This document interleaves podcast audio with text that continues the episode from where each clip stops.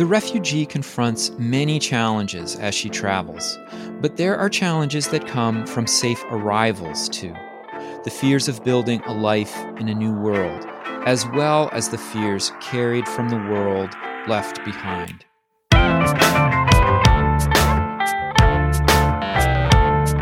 It's time to eat the dogs.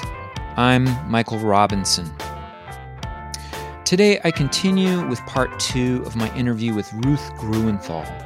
Gruenthal and her family, along with thousands of Jewish refugees, raced to escape France when the Germans invaded in the summer of 1940. Even as the Vichy government of France rounded up Jews for deportation to the Nazi camps, Gruenthal and her aunt returned to the site of their internment, where they hoped to get information about her father and sister, who were also fleeing from Paris. What, what almost everyone was doing was standing somewhere on the street, on some street corner, and passing out notes saying, My name is such and such, I'm here and here, you know, this is where I am, you know, and saying to that person, if you meet, I would give my father's name, uh, or give my stepmother's name. And I said, if you come across these people or anyone who knows them, please give them. And I, in turn, was the recipient of similar pieces of paper. Wow. You know, so this was the main activity that we would be standing around, you know, and of course you would get, get involved in some chat. And actually, I don't know whose piece of paper, but one of those pieces of paper, actually, my father at that time was in Montauban, which is just east of Toulouse, which was near, I mean, he was in a camp, which was sort of in that, the last camp he was in was sort of in that area, which also, of course, dissolved with the uh, the influx of the, and turned out to be in the Vichy zone. So you know, so it was at the northern end. So we were at the way at the southern end of the Vichy zone. He was at the northern and he sent his executive secretary was with him, and he apparently my father had some money, a little bit of money, and so he sent her to get us. So he found you through this process, through this process of, of, the notes, distributing notes. That's amazing. Yeah. There must have been hundreds of thousands of people. Yeah. And so you were then reunited with your father. So my father at that time was living out. The, the town of Montauban itself was fairly bombed and quite badly destroyed. So we were living. He was living. He had a room in a regular house. He had already been reunited with my stepmother, my sister, their housekeeper who was Polish, and this secretary. And so this was a time that was completely consumed, where I functioned as my father's secretary. Mm-hmm because my English was better than his, uh, where he's completely consumed with correspondence. And the rest of the time, I think we managed to get hold of some bikes. So I was either writing letters for him or else I was going around with my sister, and, and there was also someone else, like another one of these apparitions in my teenage years. I mean, who was like model beautiful. and, and she, she, was a bit older, but she was also still kind of late late teens, so a little bit older. So anyway, I can remember the three of us, my sister and and this young woman, and, and I, we would go out into the surrounding countryside with a tiny bit of money and trying to get some eggs and trying to buy vegetables and you know and food hunting. We would go food hunting and the other thing that I think in that process, somehow also we would go into the sort of very bombed section of town where some other refugees lived in some of these ruins. In going in there, I met someone who was not Jewish who had come into France, I think probably originally Austrian, and was a resistance fighter and had come mm. into France. So he was a romantic figure. He was in his 40s and who sort of appointed himself a substitute parent, potential lover. so, so kind of, you know, but, and actually remained a kind of quasi parental not quite lover, but close to it figure in my, in my life, and and sort of provided some major sustenance during the during mm. that time. So he had been living in France for he had been, and I, I actually don't quite. And his wife was already in the U.S. He turned out to be a therapist, wow. and you know, eventually, he wasn't with us, but didn't come on the same boat. But he he came over to New York, so so there was family here, and my father had you know some publishing connections, and among other things, he had gotten to know not terribly well but well enough so one could ask him for help was Thomas Mann. So I've, I have the letter from that Thomas Mann, a couple of letters that Thomas Mann wrote on his behalf to Eleanor Roosevelt Committee, who were interested in what I thought was a very elitist operation, not so much at the time, but once I was old enough to think about those things, where they were going to rescue people from France who were gi- giving them what they called an emergency visitors visa, who were seen to as making a, a contribution, contribution to, yeah. to, to the United States. So this it's that part of it. I don't know if it's still there, but when the Holocaust Museum first opened, there was an annex called Operation Rescue that documents this whole mm-hmm. thing. I mean, including Christopher Fry, who was, you know, who was became her emissary, she sent to France because of the fact that the French consular service refused to hand out those visas unless you could show them that you had an exit permit from the Vichy government, which they knew full well the Vichy government would not give.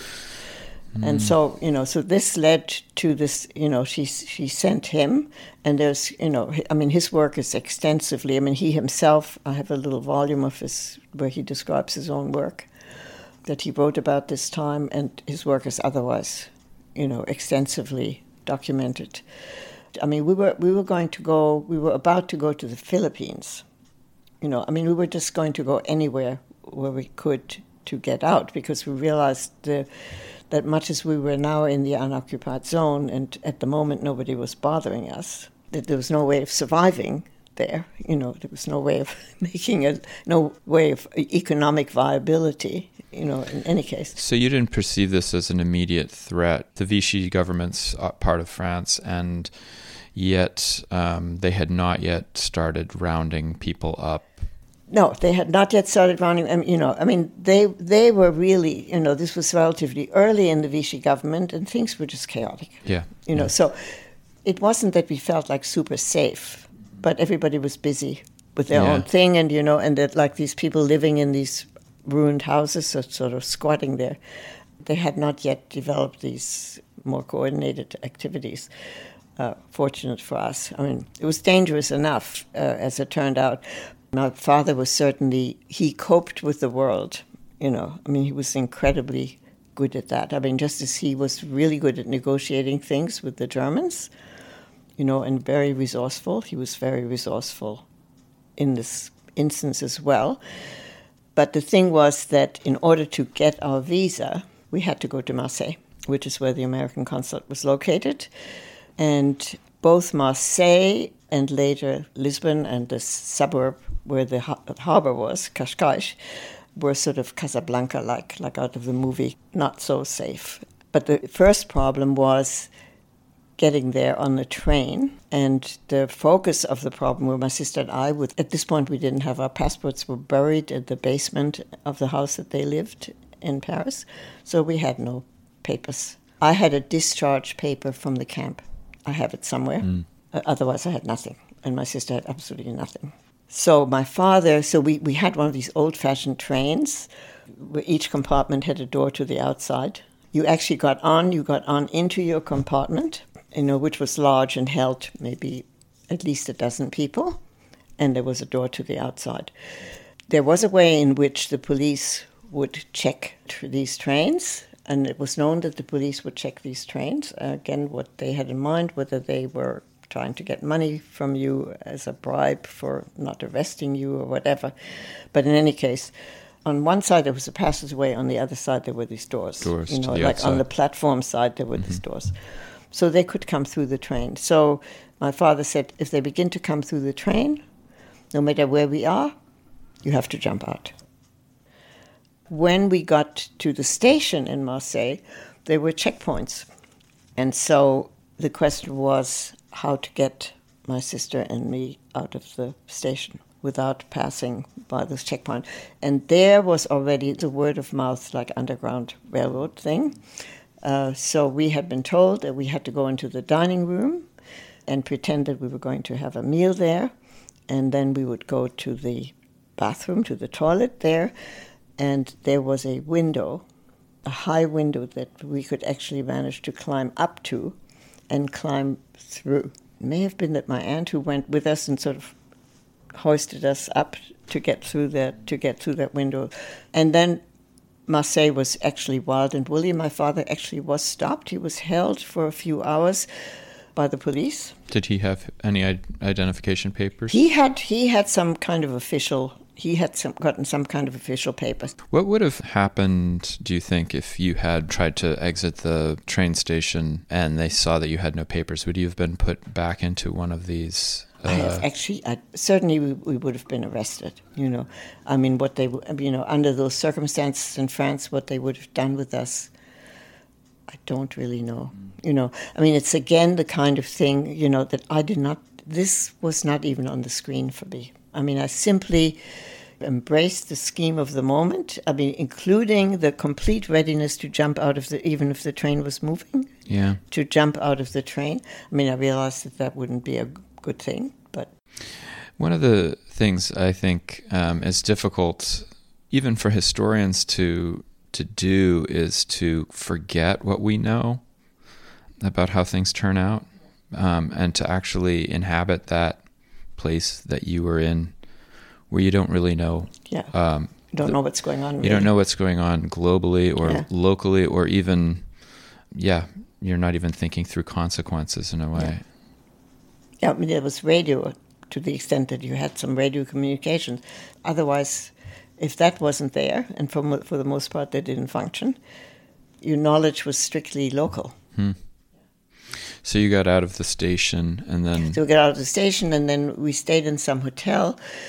And then the next thing that had to be done was to get a Spanish transit visa. The Spanish officials were aware that a bunch of us coming through there and in Marseille, you know, that we could be held and money could be gotten for us. Mm. I mean, this was Franco Spain now, so this was not friendly Spain. Um, Which had a kind of friendly relationship with the Nazi government.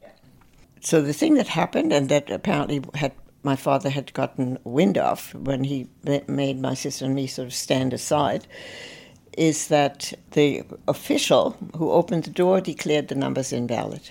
So my father actually ended up fairly close to the door, and mayhem ensued. I told my sister we, we needed to move further away because of the fact that this was going to precipitate some police action, what was happening there. Somebody kicked my stepmother in the general sh- pushing and shoving, to put it mildly, that ensued, kicked her in the back. She began to fall and, and began to pass out. My father was this fantastic presence of mind. Immediately told these consular, I mean, they were somewhat startled by this happening, you know, this fairly tall woman just kind of starting to fall over and he would say, "Help me carry her in," in French, and they got in. This is how they got in. That's how they got in. That's otherwise, who knows? I mean, you know, I mean, there was just an unbelievable fight for you. Your life is at stake, crush to get into that concert. So we got the Spanish transit. We didn't have an exit visa, but we had the Spanish transit visa. So now we traveled from there to a place called Portbou, which was on the Mediterranean coast, which is the same place that Walter Benjamin, who killed himself. Mm. This is in Spain. Well, he killed himself on the climb over the Pyrenees to get to get into Spain because he was convinced that he wasn't going to that they weren't going to make it. They were going to be arrested on one side or the other side, you know. And so he, the philosopher Walter Benjamin, killed himself. So, uh, so again, here was this sort of word of mouth, you know. But anyway, so we were told to go into this town. Um, and wait until it got dark. And then we were told, you know, you go so many paces on the highway and then you turn right into the mountains and so on. But you had papers at this point. We had the, the visa. Had and the we visa. had the visa. We did not, you know, the critical thing is we didn't have the, you know. So my father, in a last ditch effort, went to the mayor of the town and said, I have five women with me. Can't you give me a paper so we can take the train? And cross the, the border, I mean, be able to get out of France legally without being arrested on the train. And the mayor said, Vous avez vos pieds. you have your feet. So that was the end. I mean, it was amazing. I mean, he didn't he didn't arrest my father. Could have arrested him, you know, let him go, but he was not going to take a chance on that. Uh, so anyway, so we set out. You know, I mean, I had on this two-piece dress, and then I had on some kind of shoes. They were too big for me, and they had about this much of a heel. So each time I took a step, my heel would come out of the back of the shoe. Each time that happened, it made a noise. It was completely black, completely dark. There was not, not even, that was just a sliver of a moon, so there was absolutely no light. And I realized, you know, that this was very dangerous. I, I couldn't keep them on my feet. This was a very rocky little mountain path that we were on to the extent where we were on the path because we really couldn't see. You know, you would come and there would be a drop, and we and it actually was so dark, which was in our favor in one way, that Yeah. we couldn't be seen. But you couldn't tell, you know, whether it was a few inches or a few feet. And so it was my job to sit down and kind of hold on to the rock, the edge of the rock, and and see how how big the drop was, whether we had to somehow find a way of bypassing that or whether we could go. So we were doing this for a while, and then my aunt, you know, who had uh, other than her hunt for cigarettes and and her desperation about getting the next smoke, she had held things pretty together. Yeah. She suddenly stretched out on the ground and said, "Leave me here. I want to die here. Wow. I can't go on anymore." Uh, so, you know, for some reason, she she had this sudden, to me, shocking breakdown. I Yeah. mean, since before this, we had sort of managed together, and I remembered that somebody had once told me that if somebody has hysterics, you slap them. I thought, okay, this is what I'm going to do. so, I mean, she was so startled. It worked. She got up. She got up. She got up. Yes. I mean, the fact that I would suddenly, you know, like whack her. It's right out of the movies, really. Yes, right. So she got up and you continued over She the got up and we continued. And now the, the, the risk was also by word of mouth, we had heard that if you approached, you know, that you had to be sure to approach the border station, you know, which was like a small building. It wasn't a big deal, you know. That if you found the border station, which was the first task, and if you approached the border station, you had to approach it from France and not from inside Spain. So we actually managed to do that. And so the border chief, whatever his title was, was not there. Fortunate for us. The little official who was there immediately took one look at us, among other things, because of my, my legs were, were covered with uh, the cactus thorns Oh, oh. which act- mm-hmm. actually turned out to be an issue that made problems for me for a long time after, because eventually they disappeared under the skin. But here they weren't quite under the skin, and also, you know, we were like a complete mess. I mean, having times I think gone on hands and knees and all kinds of things to negotiate the terrain in the dark. So he he said before the boss comes back. We should look, you know, So we had come by car or by train and, you know, taken our time, you know, to account for the fact that we were appearing here in the middle of the night. So he was like trying to protect us and get us to clean up, Interesting sent us to clean up. So, I mean, this is again a complete chance. that you got somebody who is So, sympathetic to. We got Yeah. we got somebody. We got from there to Barcelona. So so we were told, you know, that we were now going to take the train. One of the dangers of going on the train, which was, you know, in itself like an unbelievable sort of experience because they had chain gangs. I mean, these were the Spanish revolutionaries that had been imprisoned, that had mm-hmm. not made it out into France and had, had been imprisoned. The damage from the war, the bullet holes and so on was still, there was, in the approach to Madrid, it was like a desert. There was not a green grass or a, even a bush. You know, it was all just completely stripped, still from the Civil War. You know, with you know, you could see if there was a hill, bullet holes, and so on. So where where they were actually fighting. But one of the dangers is that those officials were aware of the fact that these were well connected people. I mean, they had some official connection who were coming through.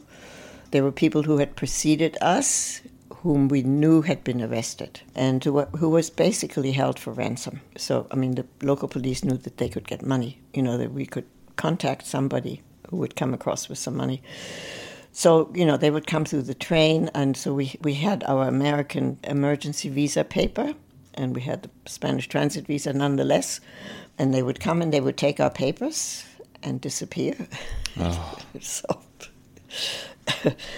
but, you know, but again, I would say in terms of my own, I mean, in that sense, you know, that once my father was in the picture, and managing things, I think I sort of trusted the fact, you know, in an illusory kind of way, I trusted the fact that he would manage things. Yeah, well, he had managed things yeah. pretty amazingly. Yeah. If you look at his that he journey, would manage things. So, I, but we were also told, for instance, that on arrival in Madrid, we should look for porter number so and so. So there was really a word of mouth instruction. So there was already a underground yes. system for there getting people out of Spain to getting people through Spain. Through Spain. Yeah, mm-hmm. yeah. You know, even some instructions as to how to cross the border and uh, how to cross over from France into Spain. And how did you actually leave Europe? Did you have to get to the coast? So we went to Madrid, you know, where we stayed overnight mm-hmm. in this quote unquote safe house where, where nobody was going to bother us. There was really no difficulty then going across the border into Portugal. Portugal was not making any trouble. We en- we all ended up in the harbour part of, of Lisbon, which is Cascais, you know, which is actually a resort in itself. The American export line was the sort of shipping line that people were using to get out. That was booked forever. And you know, the same thing, of course, had been true for the quota. You know, there, were, there was a quota system, you know, but the German quota had been filled for the next hundred years, I think. You know, so the U.S. had the policy of letting in a limited number of people from different countries and set different quota for different countries. Mm-hmm. So, and they did not enlarge the quota for Germany because of it. You know, I mean, Roosevelt had that very mixed. I mean, he, not she, was the one who was active in trying to rescue certain people, but he really did not do very much you know, and in fact, you know, there was this st- famous story about the ship being turned turned, turned back, back, turned back. Yeah, so uh, people who were trying to get in without a visa. So actually, I have a a friend who was about three years old. She was on that ship that was turned turned away. Many of whom subsequently came back to Europe and were uh, put in concentration camps. Yeah, well, yes, right. They actually, she she was there with her older, much older, significantly older sister, and they actually managed to make it out. So we were booked on a Greek boat, and actually on the boat was Heinrich Mann, Thomas Mann's brother. Mm. Was that a coincidence? It was a coincidence. I mean, I don't really. I mean, I only knew he was on the boat. I mean, again, there was actually we were, we were sort of being served, you know. So there was a bit of a culture shock the big meals. Oh, so know? going from a place where you going were... from a place where food was getting scrounging up some food. I mean, I remember sitting in a deck chair. You know, I mean, to me it was like the height of luxury and be, of being not that it was a particularly luxurious vessel, and I think it was quite crowded. You know, with a whole bunch of us. So I mostly remember, you know, the idea of of, of being served something. This was October with a blanket, sitting in a deck chair with a blanket over me, and sort of saying, "This is the life." you know? So, like uh, you had mentioned earlier, that uh, looking back now, yeah. you feel that there's some degree of dissociation that mm-hmm. was going on because you had moved so into these really profoundly traumatic mm. uh, environments and do you?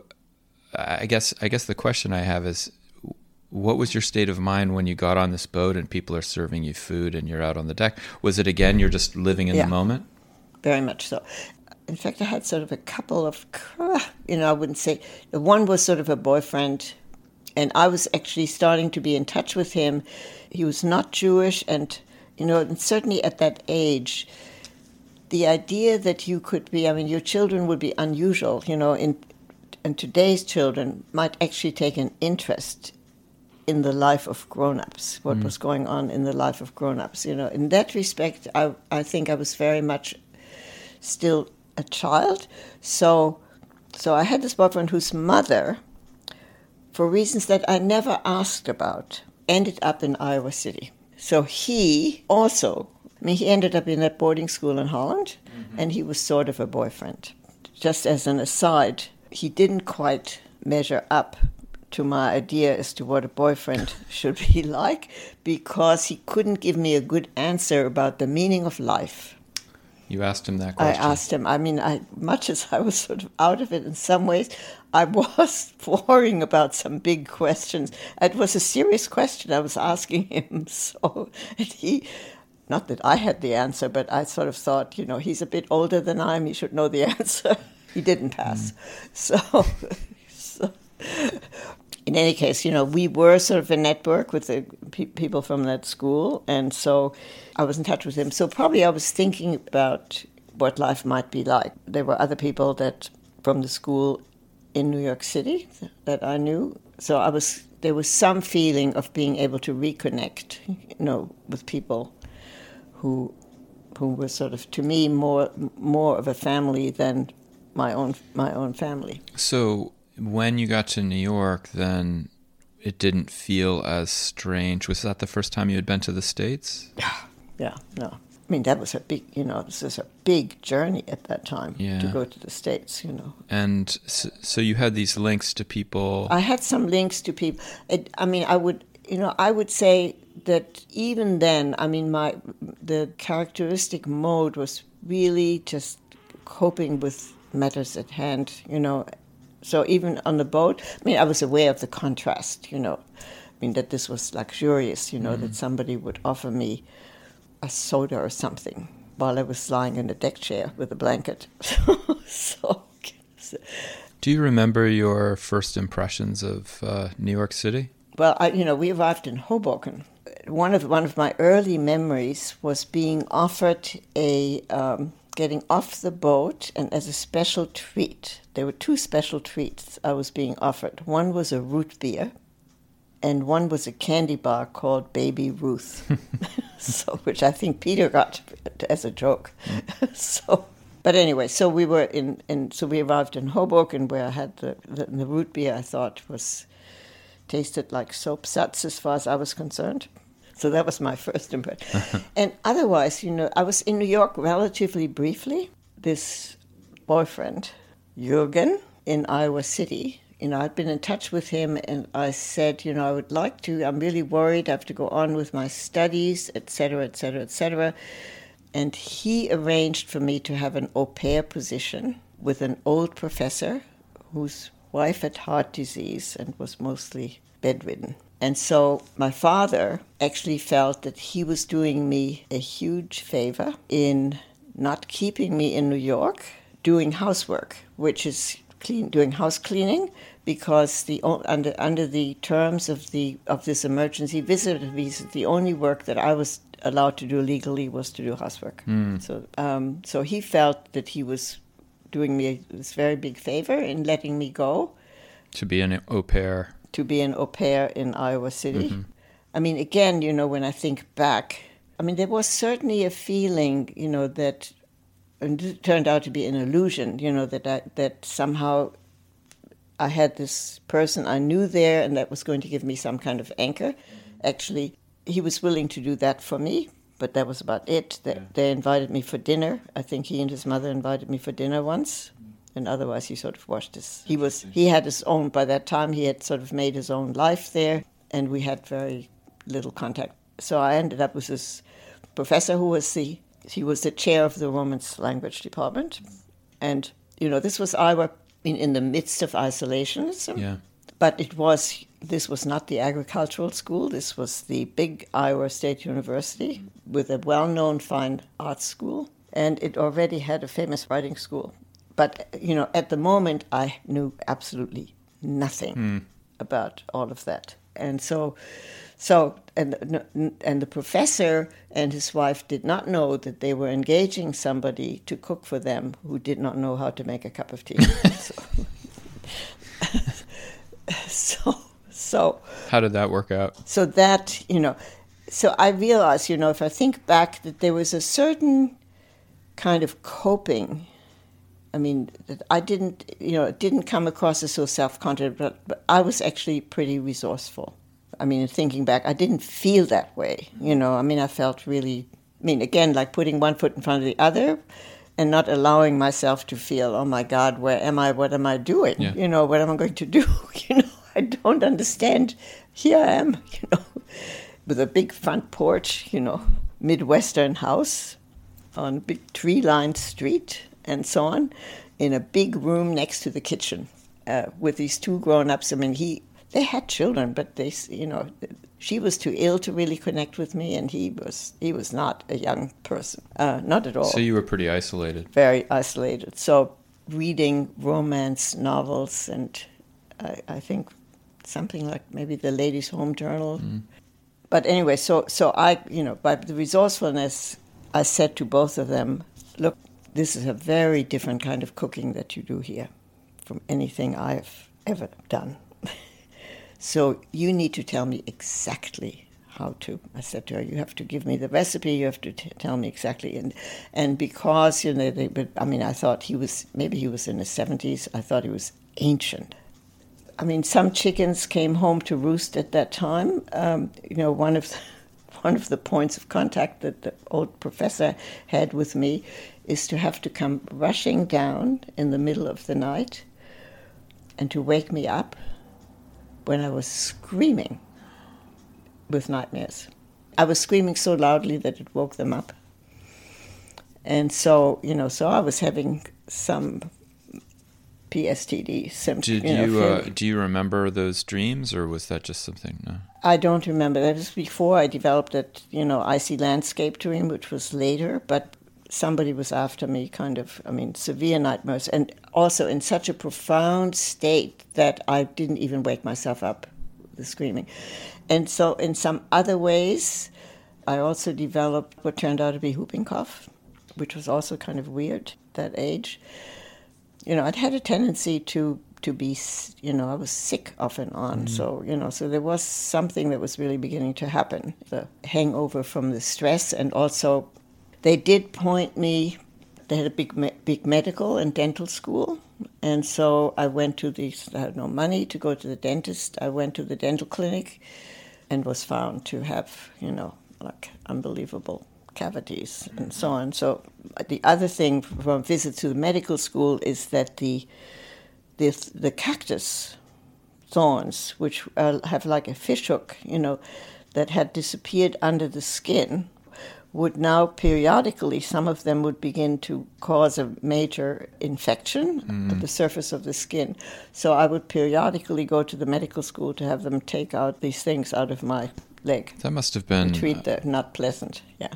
Must have been strange to be living in Iowa and Yeah. you know reading Ladies' Home Journal and um, yes.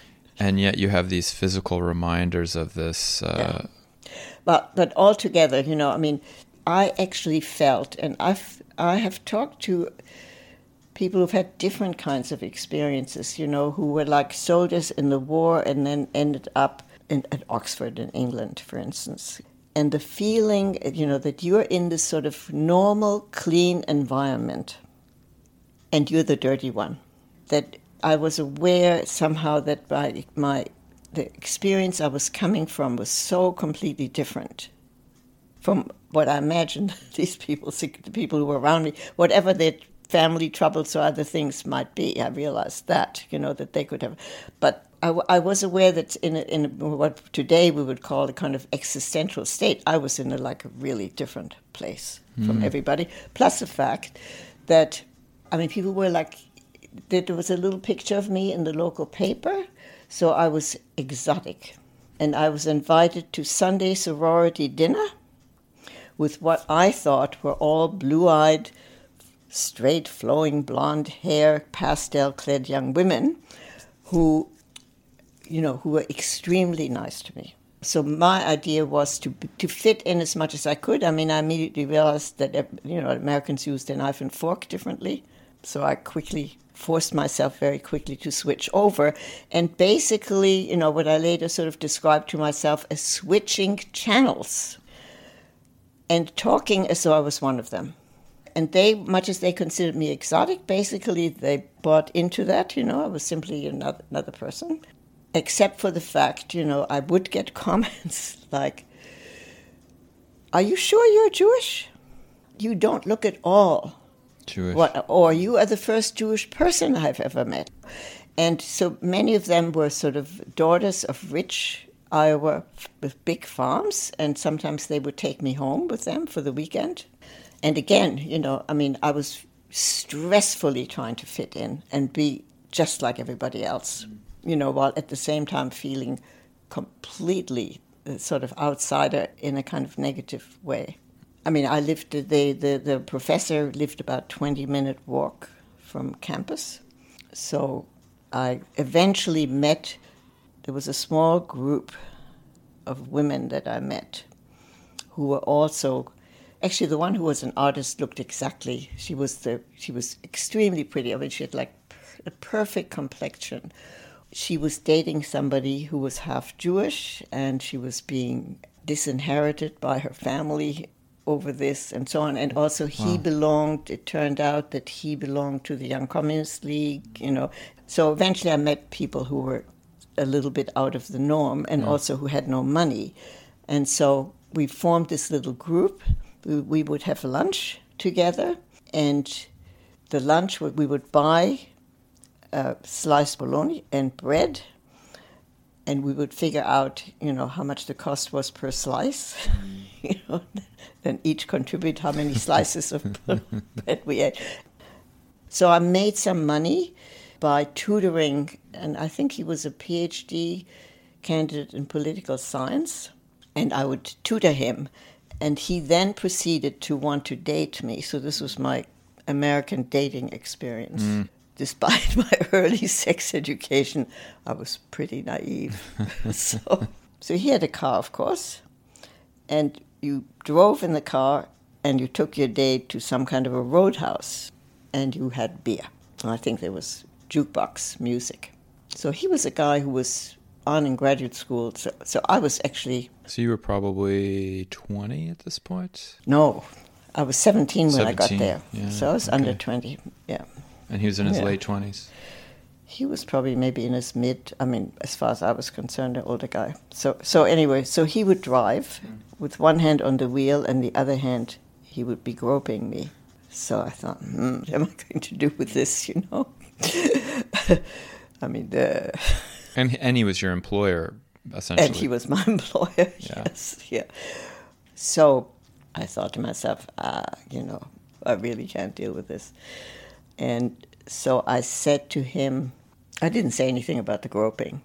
I found some reason. I said, you know, I think I'm really too young for you, or something like mm. that, you know, and so on and this is where I had one of those somewhat jaw dropping experiences because what he came back at me with is, is, he said, You are discriminating against me because I'm not Jewish. And that's you are rejecting me because I'm not Jewish. And this is the reason for no wonder there's anti Semitism, said he. So, oh. however, he continued to be my student, and I think successfully helped him.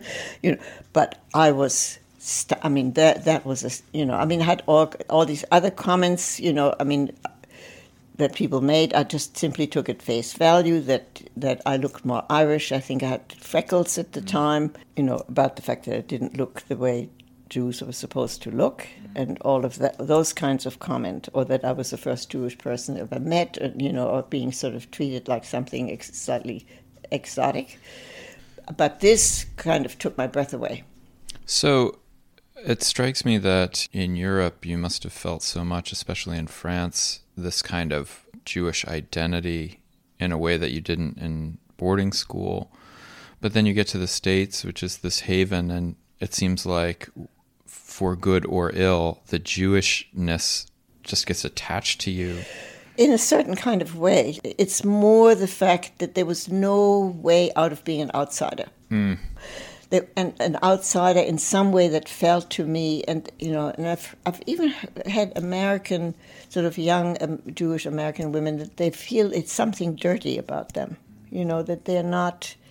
I mean, when I was living for a while and practicing on the Upper East Side, you know, I mean, there was that, upper, you know, you were not the Upper East Side person, you know, so there was that kind of feeling about it, you know, so. So in that sense, it was kind of a, an experience that I could feel I could even share, you know, later. I mean, much later, I could see I see, that even people who don't come from from a not regular family somehow we're not living in some kind of shared world. But I was really, in some ways, incredibly focused, you know, on, on fitting in.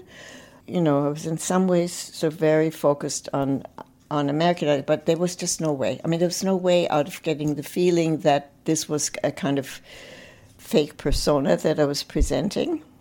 It strikes me in listening to the way you describe this journey um, through so many different institutions, countries, that you you received almost no mentoring at all. I mean, there was almost nobody who was actually sitting down with you and pointing out different different futures, different options. Now, I think some of it, you know, in thinking back, because of my effort to sort of fit in, that as long as I didn't turn to somebody, I think other people you know, had the impression, and this is sort of an aura that I can still have, you know, feedback that that I'm going about my business and I know what I'm doing. So, in my effort to fit in, I was not going to let anyone know, or my, even myself know, how completely lost I was. It wasn't as though it occurred to people that I was as disoriented and as sort of lost in space as I really was in my effort, in some ways, to normalize myself. As you moved into your um, psychoanalytic work, to what degree did your own childhood journey, trauma, mm-hmm. come to the fore as you were thinking about these ideas? I mean, were you actually applying them to yourself, or was this, again, a kind of live in the moment, practical? Mm-hmm. This, in some ways, allowed me to. I mean, there were a number of things that happened I mean, both aware that, you know, that I was one of the walking wounded, which I think, you know, is something that the field shares, that people are often, you know, people who go into this field come from a uh, come, background come, of trauma. Uh, come from a background of trauma or at least significant struggle and somehow move into that work. I, I recently interviewed um, for the podcast one of my colleagues at the University of Hartford, uh, Joyce Ashuntantang, who uh, is from Cameroon and uh, is Anglophone. She's English speaking yeah. in a predominantly French speaking country. And uh-huh. Her interview was very interesting, talking about feeling other um, yes. from a early age and then going to school in England and experiencing being African in yeah. England and then going to the United States where she is now. And she was saying the ways that these identities, which she is able to move through mm-hmm. quite well, nevertheless, she's always somebody else. Yeah. And I was wondering for you, having this experience for so long over so many formative years, did you reach a point in your life where that goes away? I would say that the feeling of, in, you know, a sort of basic feeling of aloneness and a feeling of differentness. I don't think that ever goes away. I don't think that really ever goes away. And, you know, and I think that, you know, there's also a, a kind of experience that uh, perhaps which I do feel I sort of share in a fundamental way, maybe not so much with American Jews, but perhaps even with them, which I think for people who are black is is much more of you know, it's much more upfront, it's much more overt, which is a sort of subtle feeling that your right to walk the earth is up for questions at any time. So, I mean, I'm aware of compensating for that in many ways, in that part of sort of living things are what they are at the moment and so on and so forth, and I'm simply going to cope with this. So that there were certain ways in which the fact that that the, you, you're sort of trying to deal with the f- fact that the ground can disappear under your feet, and at the same time, you try to create a sense of stability. Ruth Gruenthal, thank you so much. You're welcome. That's it for today. The music was composed by Zabrat Make sure you check out the Time to Eat the Dog's website for podcast links and other exploration related stuff. And if you get the chance, please take a minute to rate and review the show wherever you get your podcasts. It really helps make the show visible to new listeners.